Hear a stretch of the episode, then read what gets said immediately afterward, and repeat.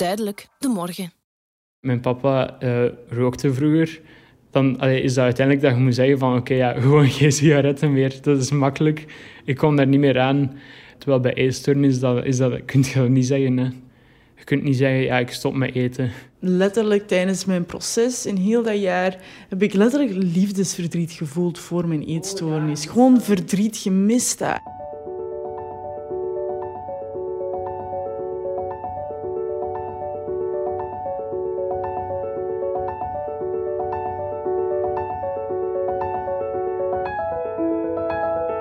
Gérard en ik.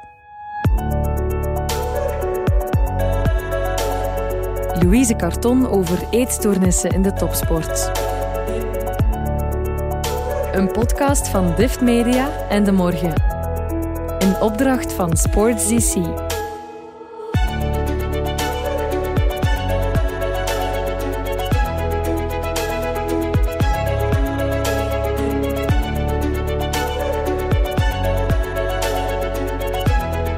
Gerard en ik. Aflevering 3. Ons verhaal. Deel 1. Hallo, fijn dat je luistert. Dit is de derde aflevering van Gerard en ik, een podcast over Louise Carton, een van de grootste talenten uit de Belgische atletiek van deze generatie. Ik ben Bram en samen met jou ontdek ik hier het verhaal van Louise en van vele anderen. In de vorige afleveringen ontdekte je hoe Louise en haar dichte omgeving de voorbije acht jaar hebben beleefd. Louise lijdt aan een eetstoornis, een mix van anorexia en bulimie. En dat is niet zo ongewoon in de topsportwereld. Voor we verder gaan, wil ik je trouwens aan iemand voorstellen. Jeff. Er zijn geen mensen die niet willen winnen. Iedereen wil succes.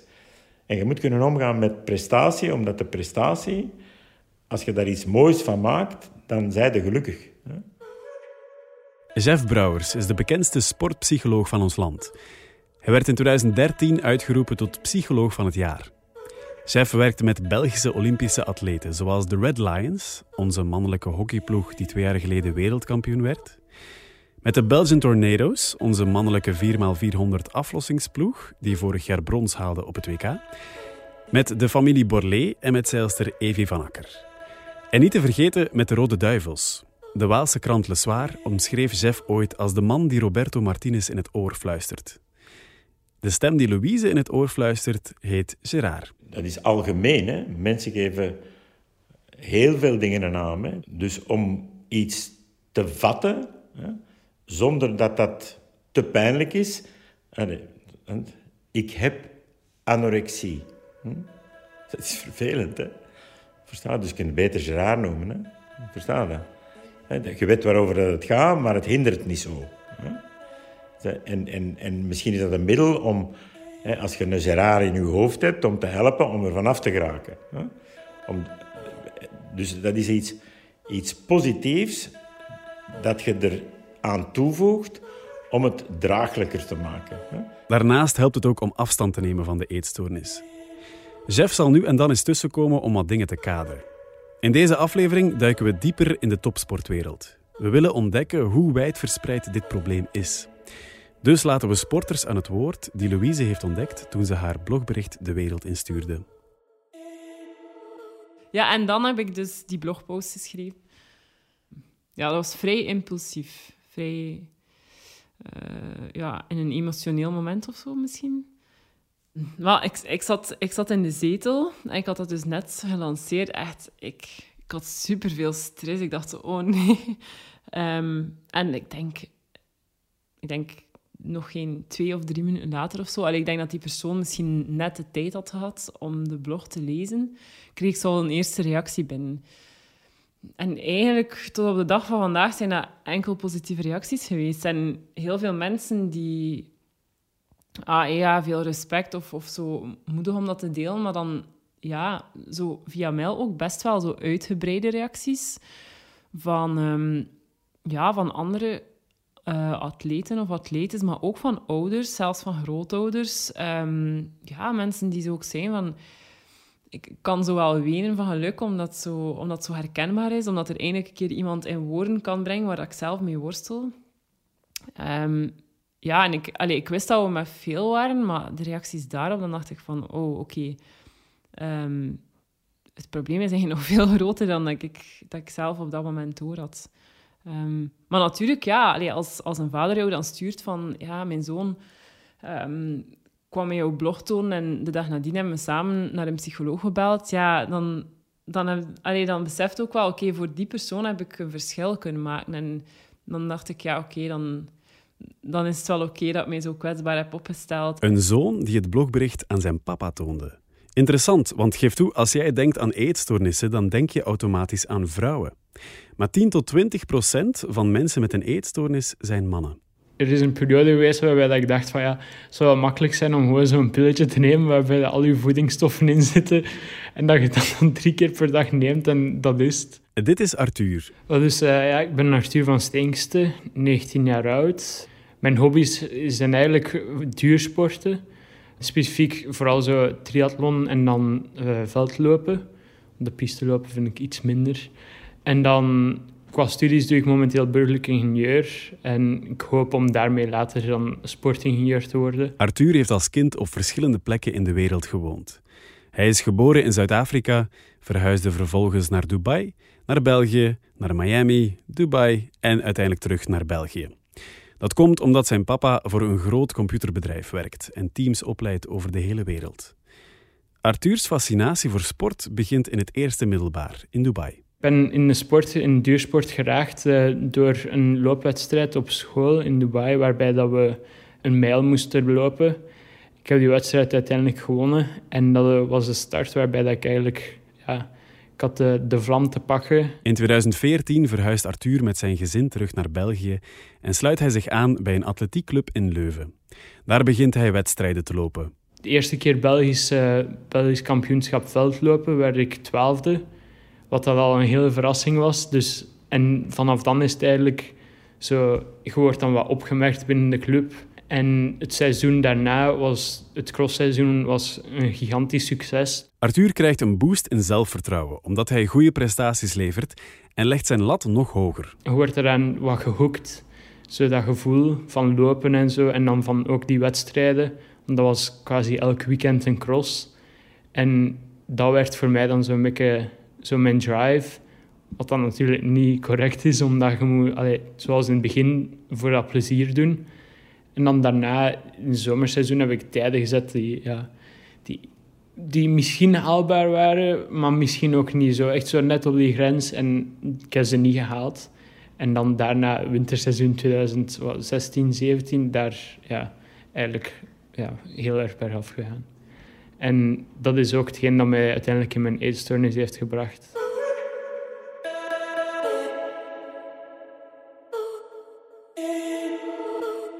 Dus je begint dan wat gezonder te eten voor de wedstrijden. Je begint zo wat, te experimenteren. Allee, ik kookte sowieso al graag.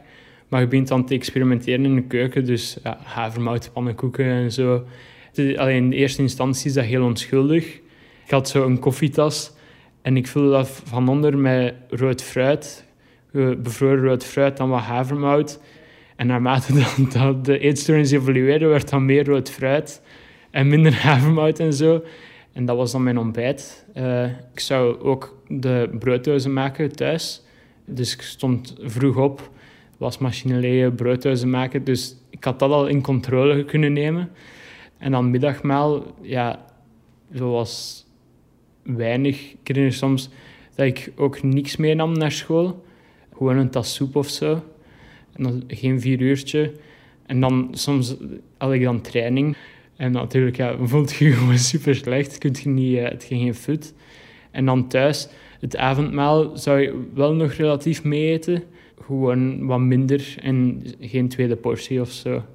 En dan gaan je, ja, je prestaties ook gewoon meer naar achter, omdat je niet voldoende allee, benzine in je tank hebt. Je hoort dat het hier al begint fout te lopen. Nu, we weten ondertussen dat een eetstoornis wijst op een onderliggend probleem. Ik heb ook heel erg geworsteld met eenzaamheid omdat ik heb nooit echt mijn klik gevonden in België. Dus die, die middelbare school was voor mij echt wel lastig.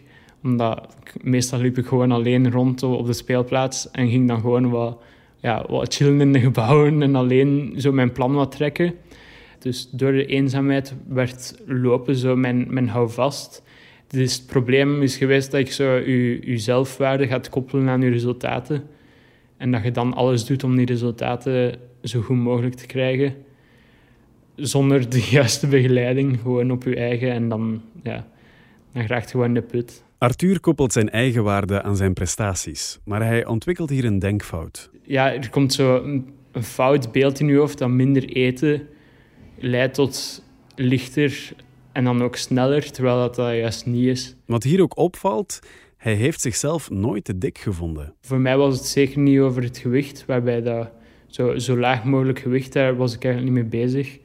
Wel thuis in de badkamer ook geen weegschaal staan.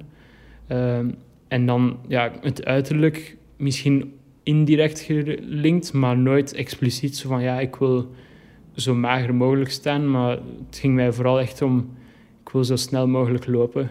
Arthur heeft dus nooit in de spiegel gekeken met het idee ik ben te dik. Hij heeft zich zelfs nooit gewogen, dus het ging ook niet over een getal op de weegschaal. De enige maatstaf voor Arthur was presteren. Jeff Brouwers herkent dat bij veel mannen. Een man, een doorsnee man, die, die gaat zeker niet uh, denken in termen van schoonheid alleen. Dat komt er ook meer en meer bij, hè, want die evolutie van eetstoornissen die is waanzinnig op het vlak van mannen, maar dat gaat altijd over de prestatie en hoe denken de mensen over mijn prestatie. Hm? En bij vrouwen is dat, hoe denk ik over mezelf? Hm? Hoe zie ik eruit? Prestatie speelt dus een grote rol bij eetstoornissen bij mannen. Al speelt dat bij vrouwen in de topsportwereld ook wel serieus mee. Vervolgens merken zijn ouders op dat Arthur met een probleem zit. In de eerste fase waren we op vakantie met, met het gezin. En dan mijn ouders zo gezegd van ja, we hebben een vermoeden dat je een eetstoornis hebt. Nee, dat is, dat is niet waar. en, dan, en dan natuurlijk gaat die avond ligt je in je bed en begint je daar zo over na te denken. En begint je te lezen. Zo, je hebt dan zo checklists online. En zo, ah ja, check, check, check. Ah ja, shit. Ja, misschien, misschien heb ik toch een eetstoornis. Opeens wordt het voor Arthur duidelijk dat zijn gedrag problematisch is. Zijn ouders nemen hem mee naar het Universitair Psychiatrisch Centrum in Leuven. In mei 2017 uh, ja, officieel diagnose gekregen van dat ik anorexia had. En dan is dat uiteindelijk nog wat geëvolueerd tot ja, ook vreedbuien en zo. En wat bij mij wel het geval was, dat na de diagnose dat even nog slechter ging. Dus je kreeg dan zo, oké, ja, je hebt uh, een eetstoornis, anorexia. En dan was ze van, ja, oké, nu moet ik ook echt doen alsof ik, als, dat ik een eetstoornis heb. En dan ging het bij mij nog extremer even. Ik lees dan artikels en dan ook artikels specifiek met, van gevallen in de sport. En dat combineren. En ik heb dan uiteindelijk ook gewoon gezegd van ja, nee, ik, ik stop met, met trainen. Allee, het, lopen is op een bepaald moment, dat wordt gewoon niet meer tof. Je kunt je trainingen niet afwerken. Je voelt je futloos. Uh, denk, allee, toen ik de eerste keer kwam bij mijn diëtiste, had ze gezegd van ja, dat ik eruit zag als een wandelende zombie. En ergens is dat wel zo, omdat je ziet, je bent gewoon constant moe en die passie is weg en ja, dan heeft het geen, eigenlijk geen zin meer om te lopen. Dus krijgt hij de diagnose anorexia en dat voelt voor hem aan als een stigma. Hij begint wat meer artikels te lezen en merkt een duidelijke link op met topsport. En dus wordt dat ook even op pauze gezet. Arthur moet terug wat kilo's bijkomen. Wat er wel gebeurd is, is in het herstelproces um, wordt er dan een doelgewicht opgesteld. En natuurlijk, ik mocht niet meer lopen. En dan was er toch zoiets in mij dat dan mijn zelfwaarde ging koppelen aan dat gewicht. Om mij zo goed mogelijk op dat doelgewicht te krijgen. En dat ging niet echt. Dus ik, dobberde daar zo wat onder. En het is dan dat ook, ik denk dat dat ook onbewust gezorgd heeft voor die vreedbuien. Ik ging dan gewoon vreten om gewicht bij te komen. Zijn nieuw doelgewicht wordt zijn nieuwe uitdaging. En dus iets wat hij kan bereiken. Opnieuw een soort van presteren. Dus is mijn eetstoornis een beetje geëvolueerd. En heb ik nu veel meer te kampen met zo'n vreedbuien. En, uh, en met zo'n vreedrang waarbij dat je eigenlijk... Ja, dat is het omgekeerde. Hè, waarbij dat je, je in de plaats van super gedisciplineerd te leven en alles uit te sluiten, ontloopt je gewoon je verantwoordelijkheid en gaat je eten. Maar dan ontdek je dat er zo, zoals een ijsberg, zo een tipje van de ijsberg en daaronder steekt dan een heel andere boel. Arthur merkt dat hij dwangmatig bezig blijft met eten. Eerst at hij veel te weinig en nu eet hij veel te veel. Hij is dus nog steeds niet van zijn eetstoornis af en dat begint ook hormonaal zichtbaar te worden. Maar dan hebben we opgemerkt in bloednames dat er eigenlijk uh, iets mis was met mijn hormonale spiegel door maanden van schade op mijn lichaam. En dan, ja, nu is het quasi maandelijks een bloedname nemen, zien hoe dat, dat evolueert. Dat doet denken aan het Red S-syndroom, waar Louise ook aan leed. Door een lange periode van ondervoeding raken je hormonen uit balans. Maar hoe los je dat nu op? Het lastige van eetstoornis is dat je niet... Uh, je kunt niet zeggen, ja, ik stop met eten. Terwijl dat, terwijl dat bij andere verslavingen... Bijvoorbeeld mijn, mijn papa uh, rookte vroeger. Dan is dat uiteindelijk dat je moet zeggen van... Oké, ja, gewoon geen sigaretten meer. Dat is makkelijk. Ik kom daar niet meer aan.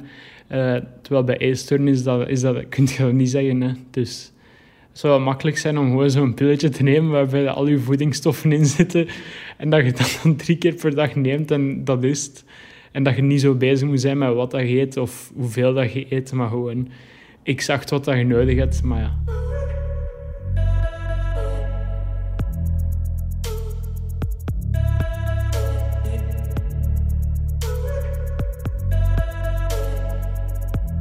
Hij heeft wel al enkele dingen gevonden die hem vooruit helpen. Ik mediteer nu heel erg veel. Uh, zo twee keer per dag, gewoon even die rust.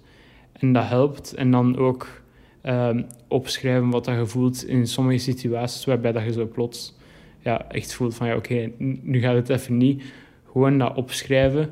En ook um, wat ik ook doe, is zo onderscheid proberen te maken in mijn hoofd zo, tussen eetstoornis en Arthur. Bedoel je je eetstoornis een naam geven? Ik zie dat gewoon als een, als een, als een beestje. Als een beestje in mijn hoofd. Ah ja, oké. Voor Jeff Brouwers is het simpel. Alles wat helpt, helpt. Hm? Dus ik ga nooit zeggen, als iemand zegt, uh, ja, ik heb drie keer rond dat gat in de Haag uh, gelopen en ik voelde mij beter, dan zeg ik, dat is goed, dan moeten we dat blijven doen. Hè? Want alles helpt. Hè? En ik merk dat in de sport vaak de doelstellingen de oorzaak zijn van het niet presteren. In Rio, de laatste, er waren vier. Er is zo'n firma die dat berekent. En dan de gazetten zijn, ja, jij gaat zeker een medaille halen, jij gaat zeker een medaille Ja, dus zeker ja, ja, wereldkampioen is. Hè.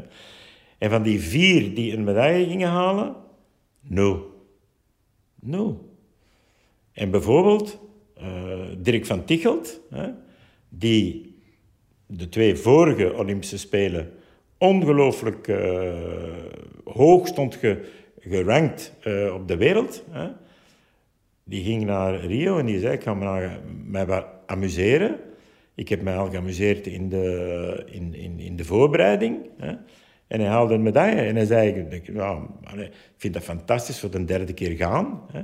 En hij was relax. Zeg maar, dat onderliggend probleem, die eenzaamheid. Het feit dat Arthur er tot op de dag van vandaag mee sukkelt, toont dat dat nog niet is opgelost. En het is dat wat je moet leren om allee, meer eigenlijk aanwezig te zijn en te voelen wat dat er te voelen valt. En niet gewoon onderdrukken en vooruitgaan. Ik heb heel diep gezeten qua studies ook. Er was sprake van gewoon te stoppen en opnieuw te beginnen. Maar door dat te overwinnen ben ik wel tot het punt... Allee, voel ik mij gewoon beter. En ben ik ook bereid om meer sociaal engagement op te zoeken en zo. Dus ja. Allee, hopelijk, hopelijk wat meer vrienden erbij. Dus we gaan zien. Allee, ik, ik heb het gevoel dat het wel de goede kant op gaat. Het zal, het zal nog niet rechtlijnig zijn, maar we komen er wel. Ja. Maar hij is 19 en hij heeft dus nog tijd. Wat heeft de eetstoornis mij afgepakt? En daar is het eerste dat ik had opgeschreven tijd. Terwijl dat er iets anders in mij wel wou opschrijven, zo resultaten of zo carrière bij wijze van spreken. Maar ik heb enkel gewoon tijd verloren.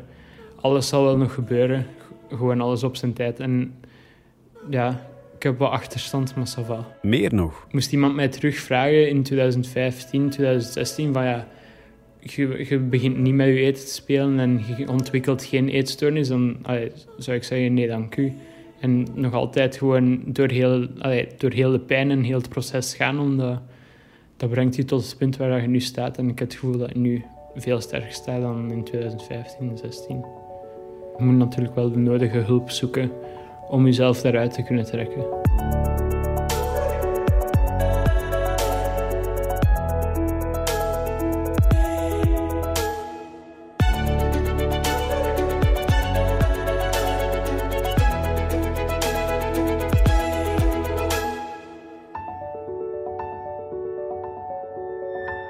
Dat een kerel van 19 daar zo open over kan vertellen terwijl hij er nog niet volledig vanaf is, ik vind dat heel straf. Want voor jezelf onder ogen komen dat je een eetstoornis hebt, is al heel moeilijk. Om het dan aan je dichte omgeving te vertellen is ook heel moeilijk. Maar om het dan nog eens aan de rest van de wereld te verkondigen, dat is pas maf.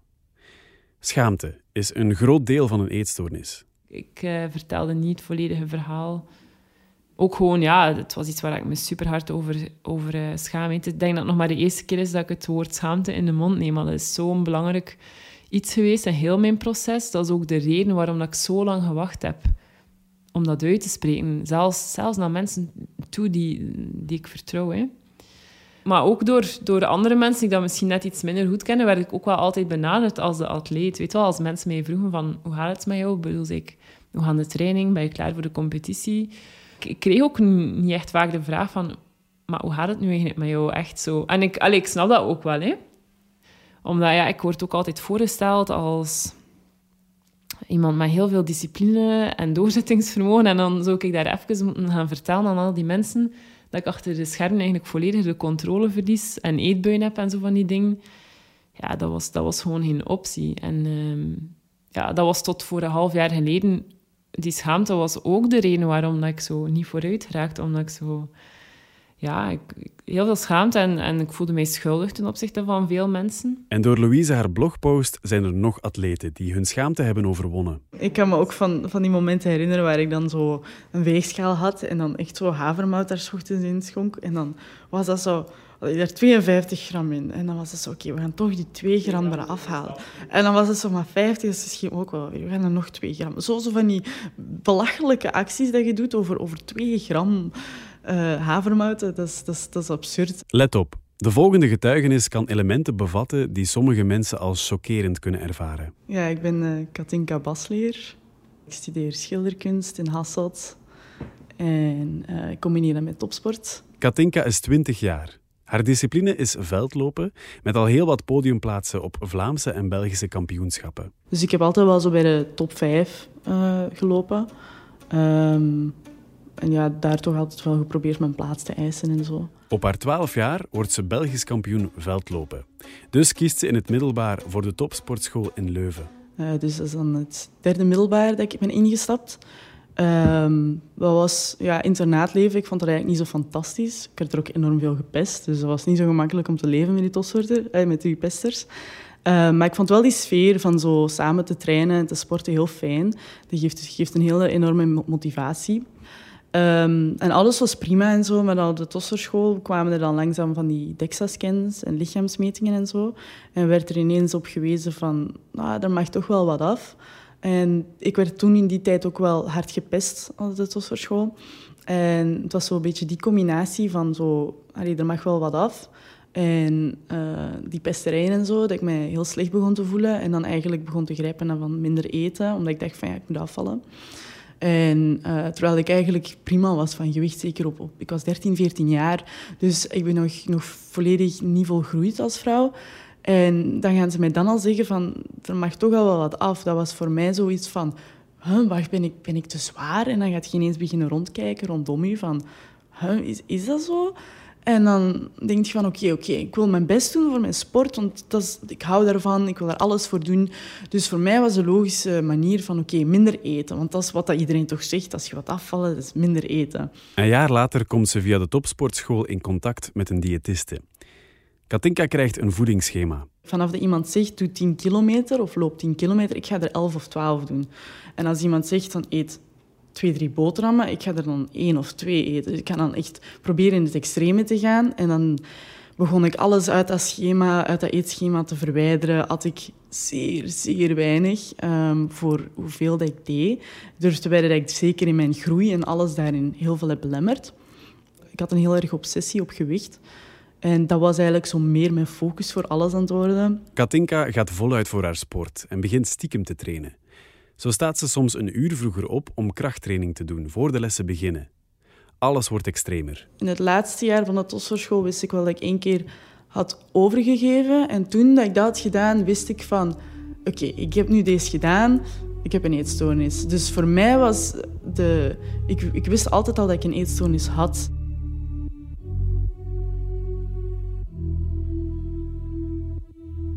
Na de topsportschool gaat ze schilderkunst studeren in Hasselt. Daar gaat ze op kot. Van, ah, ik ben op kot, nog meer controle. Ik kan al mijn eten kiezen. Niemand meer, mijn ouders niet meer, die in het weekend kunnen zien hoe dat met mij gaat. En ze besluit om veganistisch te worden. Uh, ja, ik ben veganistisch, kan dat niet eten. Sorry, oh, in die chips, ja, nee, daar zit melk in.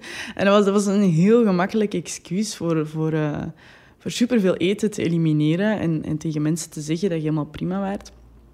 Um, maar dan, omdat ik zo weinig aan het eten was, krijgt, krijgt je lichaam langzaam hele grote cravings. Dus um, dan gaat je ineens momenten krijgen waarin je een heel dierlijk gevoel over je heen krijgt. Dat je alles wilt binnenkappen. Dat je gewoon... Je, je bent niet meer aanwezig in je hoofd. Je bent gewoon aan het eten, aan het eten en aan het eten. Absurde hoeveelheden. Iets wat dat onmenselijk is van hoeveelheden dat dat zijn. Maar dat is gewoon omdat je zo lang zo weinig hebt zitten eten dat je dan ineens zei dat je lichaam is van ik heb eten nodig. Katinka ontwikkelt haar allereerste eetbuien. Iets wat we bij Louise, Zenobi en Arthur ook al hoorden terugkomen.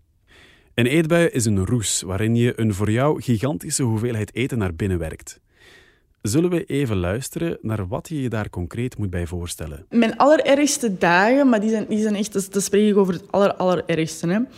Dat was dan dat ik uh, drie keer naar een winkel ben geweest. En elke keer wanneer ik naar de winkel ging, kocht ik een pak koeken, een bak ijs, een zak chips en uh, wat was dat nog? Misschien bananen, een pot pindakaas. En ongeveer dat allemaal had ik in, in een uur tijd op. En, maar dan waren er, daartussen kotste ik dat wel uit. Dus dat was elke keer eten, uitkotsen, eten, uitkotsen. En ik kan me dat herinneren, wanneer ik die, die dag bijvoorbeeld, wanneer ik drie keer naar de winkel was geweest voor dezelfde shit te kopen. Dus dat was eigenlijk de het eten dat op je no-list staat. Dus het eten waar ik, waar ik in mijn hoofd had gezegd van dat mag ik niet eten, dat ging ik allemaal halen en allemaal opeten. Omdat het is zo'n beetje gelijk een klein kindje, van als je zegt dat hij dat niet mag, de meer dat hij dat wilt. En uh, ja, die dagen waren echt super erg, want ik weet dan echt dat mijn, dat mijn hart aan het kloppen was en dat ik echt op het punt stond om eigenlijk een, een hartaanval te krijgen. Want met dat te doen staat je heel dicht bij een hartaanval krijgen. Want ja, je voelt je zo onverzadigd op eender welk vlak.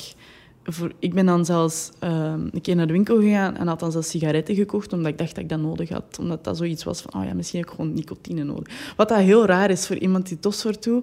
En op dat moment was ik zo van, ja, ik ga sigaretten kopen. En dat was eigenlijk het, diepste punt. Dat was dan uh, in 2000... Dat was eigenlijk in 2019, die, die dag nog.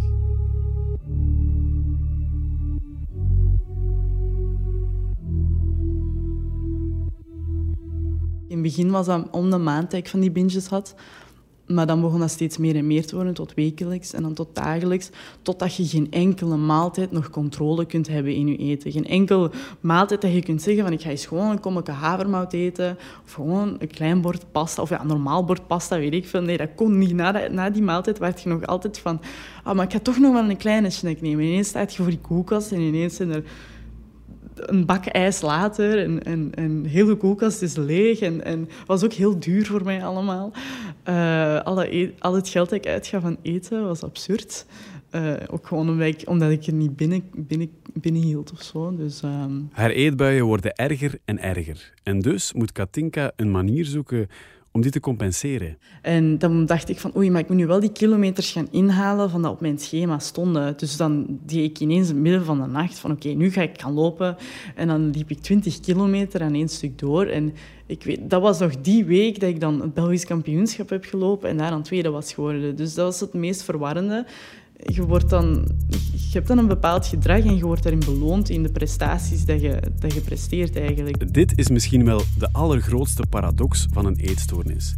Het loont op korte termijn. Ik ben niet juist bezig, maar toch ben ik juist bezig, want ik presteer toch wel goed met wat ik doe. Maar op lange termijn maakt het je kapot. Na jaren van ondervoeding laat Katinka haar lichaam het afweten en verzwakt ze enorm. Ja, daarna ehm, ben ik dan, zat ik zo diep en dan dacht ik van oké, ik heb echt hulp nodig. En ben ik een uh, psycholoog gaan zoeken. En ik kan me nog herinneren bij de psycholoog dat ik dan gewoon echt heb zitten janken over iets wat dat vijf jaar terug was gebeurd over, over hele stomme dingen. En, en er waren wel heel belangrijke dingen toen, maar ik had dat gewoon nooit emotioneel verwerkt. Terwijl het echt wel nodig was. Ze ontdekt dat het werkelijke probleem niks te maken heeft met haar gewicht, maar met pesterijen van vroeger die ze nooit verwerkt heeft. Ze ontdekt dat de eetstoornis een copingmechanisme is. Dat is een manier om met stress en gevoelens om te gaan. Zoals heel veel honger lijden, dat was voor mij een gevoel om, om iets anders te voelen dan het verdriet dat je voelt. Waardoor het heel gemakkelijk was om me eigenlijk te verplaatsen. Katinka krijgt inzichten en ze merkt dat het opklaart in haar hoofd. Ze begint zelfs opnieuw wedstrijden te lopen. Maar dat was eigenlijk geen slim plan, want dan, vanaf dat die wedstrijden terugkomen, begint je, komt die eetstoornis heel gelijkmatig mee terug ik zat onder zoveel druk dat ik op een duur bijna paniekaanvallen kreeg bij mijn maaltijden. Ik durfde zelfs bijna niet meer te eten. En op dat punt, wanneer ik dan wel had gegeten, dan zat ik in mezelf te snijden. Dus dat, waren, dat was op dat punt dat ik, dat ik zo ver zat. Dit moeten we misschien even kaderen. Jeff Brouwers legt het uit. Er zijn heel wat atleten die zichzelf snijden. Hè? En dat is natuurlijk om de psychische pijn weg te doen. En dan zeiden een, een momentje zeiden er vanaf. De grootste pijn van mensen is niet de lichamelijke pijn. Het is de pijn dat je niet vanaf raakt. Het is de pijn dat, dat, dat je er vanaf wil. Het is de pijn dat je niet weet hoe. Dus en, en, en dan zoekt je allerlei uitwegen die u helpen. Het is complexer dan ik het uitleg, maar dat is de reden waarom mensen zichzelf snijden, zichzelf verminken. En dan was ik zo van, oké, als ik in mezelf aan het snijden ben, dan ga ik me laten opnemen. Want deze is gewoon niet meer normaal. En maart, dan spreek ik wel bijna over de coronatijd. Toen kwam corona er ook aan. En um, ik heb dan zitten bellen van, kan ik me laten opnemen? Die zei van, ja, nee, we laten niemand binnen. Uh, wegens de corona. Dus ik zat daar zo van, ja, fuck, naar waar ga ik nu gaan? Ze besluit een paar dagen te logeren bij een vriendin. En ik was er initieel van plan om daar met twee dagen te blijven.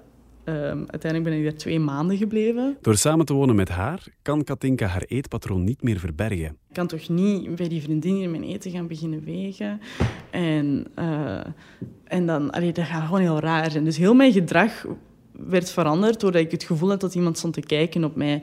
En ik, ik had dan maaltijden mee met haar. Dat was ook totaal niet veganistisch, want ik zat al te gast bij haar. En ik dacht van, ik ga niet lastig willen doen met dat ik veganistisch ben. Dus veganisme liet ik dan volledig los.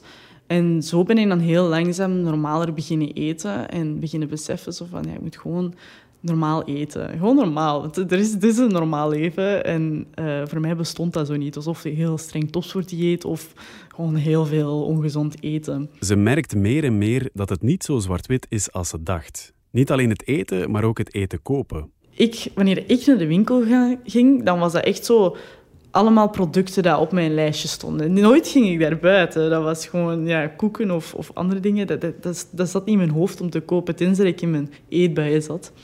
Um, maar dat was zo grappig om die vriendin te zien, want die was echt zo aan het wandelen zonder een lijstje. En ik was zo van, hè?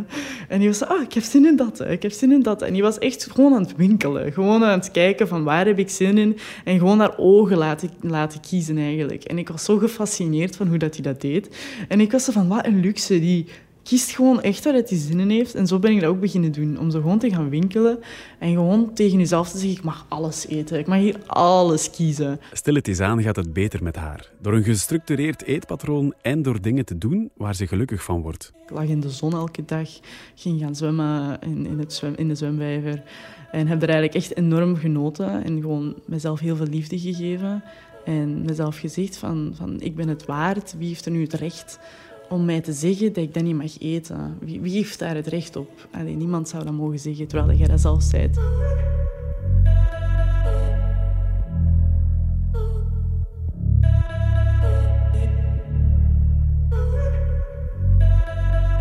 Wat ook helpt, is een trucje dat Louise ook gebruikt. Max, zo heet mijn, mijn, die stem bij mij, want ik heb die een naam gegeven om daar afstand van te kunnen creëren en die eigenlijk een karakter te kunnen geven. Haar eetstoornis heet niet Gerard, maar Max. Het is gewoon een, een stem dat gewoon altijd zegt wanneer je zo weet ik veel, een koek wil grijpen en zegt van, zou je dat wel doen?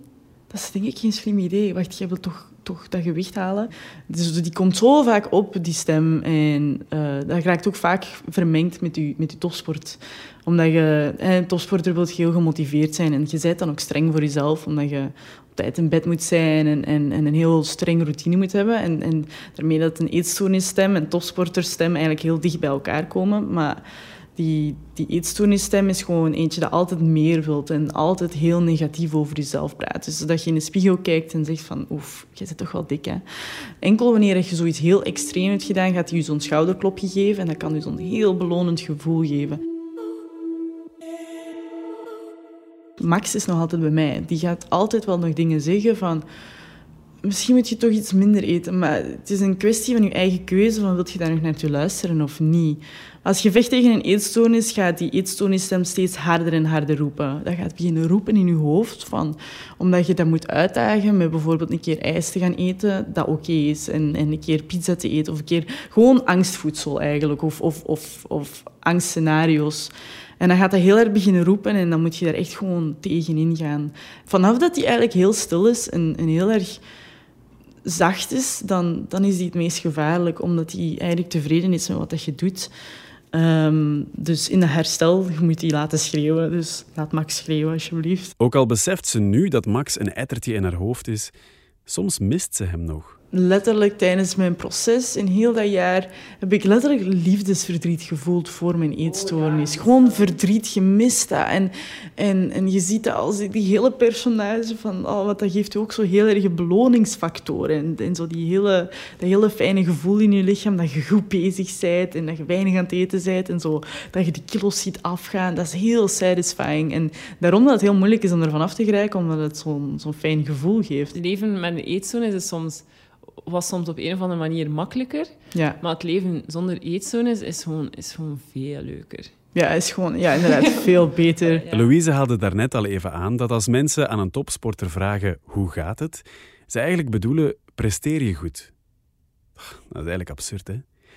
Katinka, hoe gaat het nu echt met jou? De afgelopen maanden heb ik gewoon minder getraind en meer genoten van met vrienden iets gaan drinken. En, en gewoon eens, eens normale dingen doen in het leven eigenlijk. Want dat waren allemaal dingen die ik nooit deed. En nu merk ik echt wel zo van... Oh, zo, zo zitten met een, met een wit wijntje in je hand en zo een klein beetje zatjes en zo gezellige avonden. Dat, dat is ook wel echt fantastisch. En dat is misschien niet zo allee, fantastisch als bijvoorbeeld Belgisch kampioen zijn en zo, maar het werk dat je soms moet doen voor, voor daar te geraken, voor een Belgisch kampioen te worden of zo, is soms enorm groot. En je moet heel vaak die leuke momenten met je vrienden daar afzeggen. Dus nu is dat wel eens fijn om te kunnen zeggen van, ah wel, doe dat nu wel eens. Dus uh, ik voel me wel heel gelukkig nu en heel goed in mijn vel. Nog nooit zo goed in mijn vel gevoeld dan ooit eigenlijk.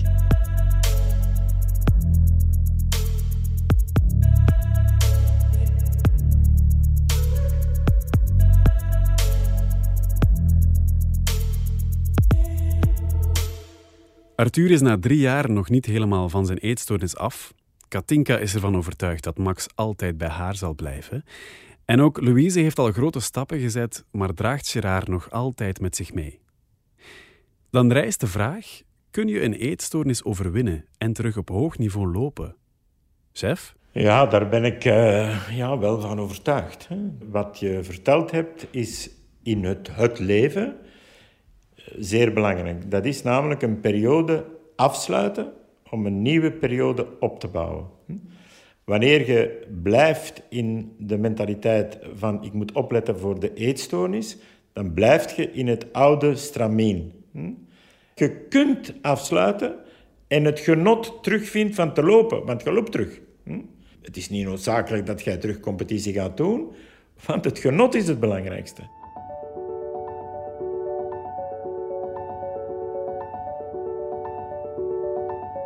Gerard en ik. Deze podcast werd gemaakt door Bram Vuilsteker en Thais van Burm van Dift Media. Herken jij je in het verhaal van Louise Carton? Dan kun je anoniem contact opnemen met Eetexpert, het kenniscentrum voor eet- en gewichtsproblemen. Alle info vind je op eetexpert.be-contact. Luister nu ook naar de vierde en laatste aflevering van Gerard en ik. Je vertelt dat dan en dan denk je van, ja oké, nu gaat ga mijn wereld instorten, wat gaan die denken? Maar dan zie je eigenlijk, eigenlijk gebeurt er gewoon niks ergs.